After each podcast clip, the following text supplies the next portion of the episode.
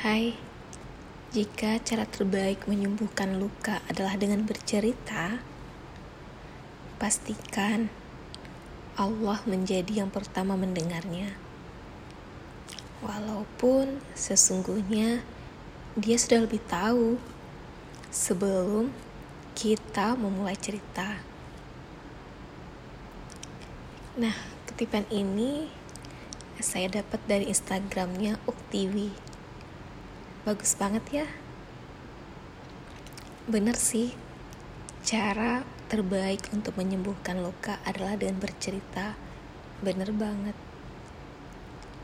Dan memang tempat terbaik bercerita adalah kepada Allah. Di setiap sujud kita. Apalagi kalau tengah malam ya. Pasti kita bakal merasakan tenang banget seperti merasa dipeluk dari yang pertamanya. Kalau khawatir semua menjadi baik. Jangan sungkan-sungkan bercerita ya.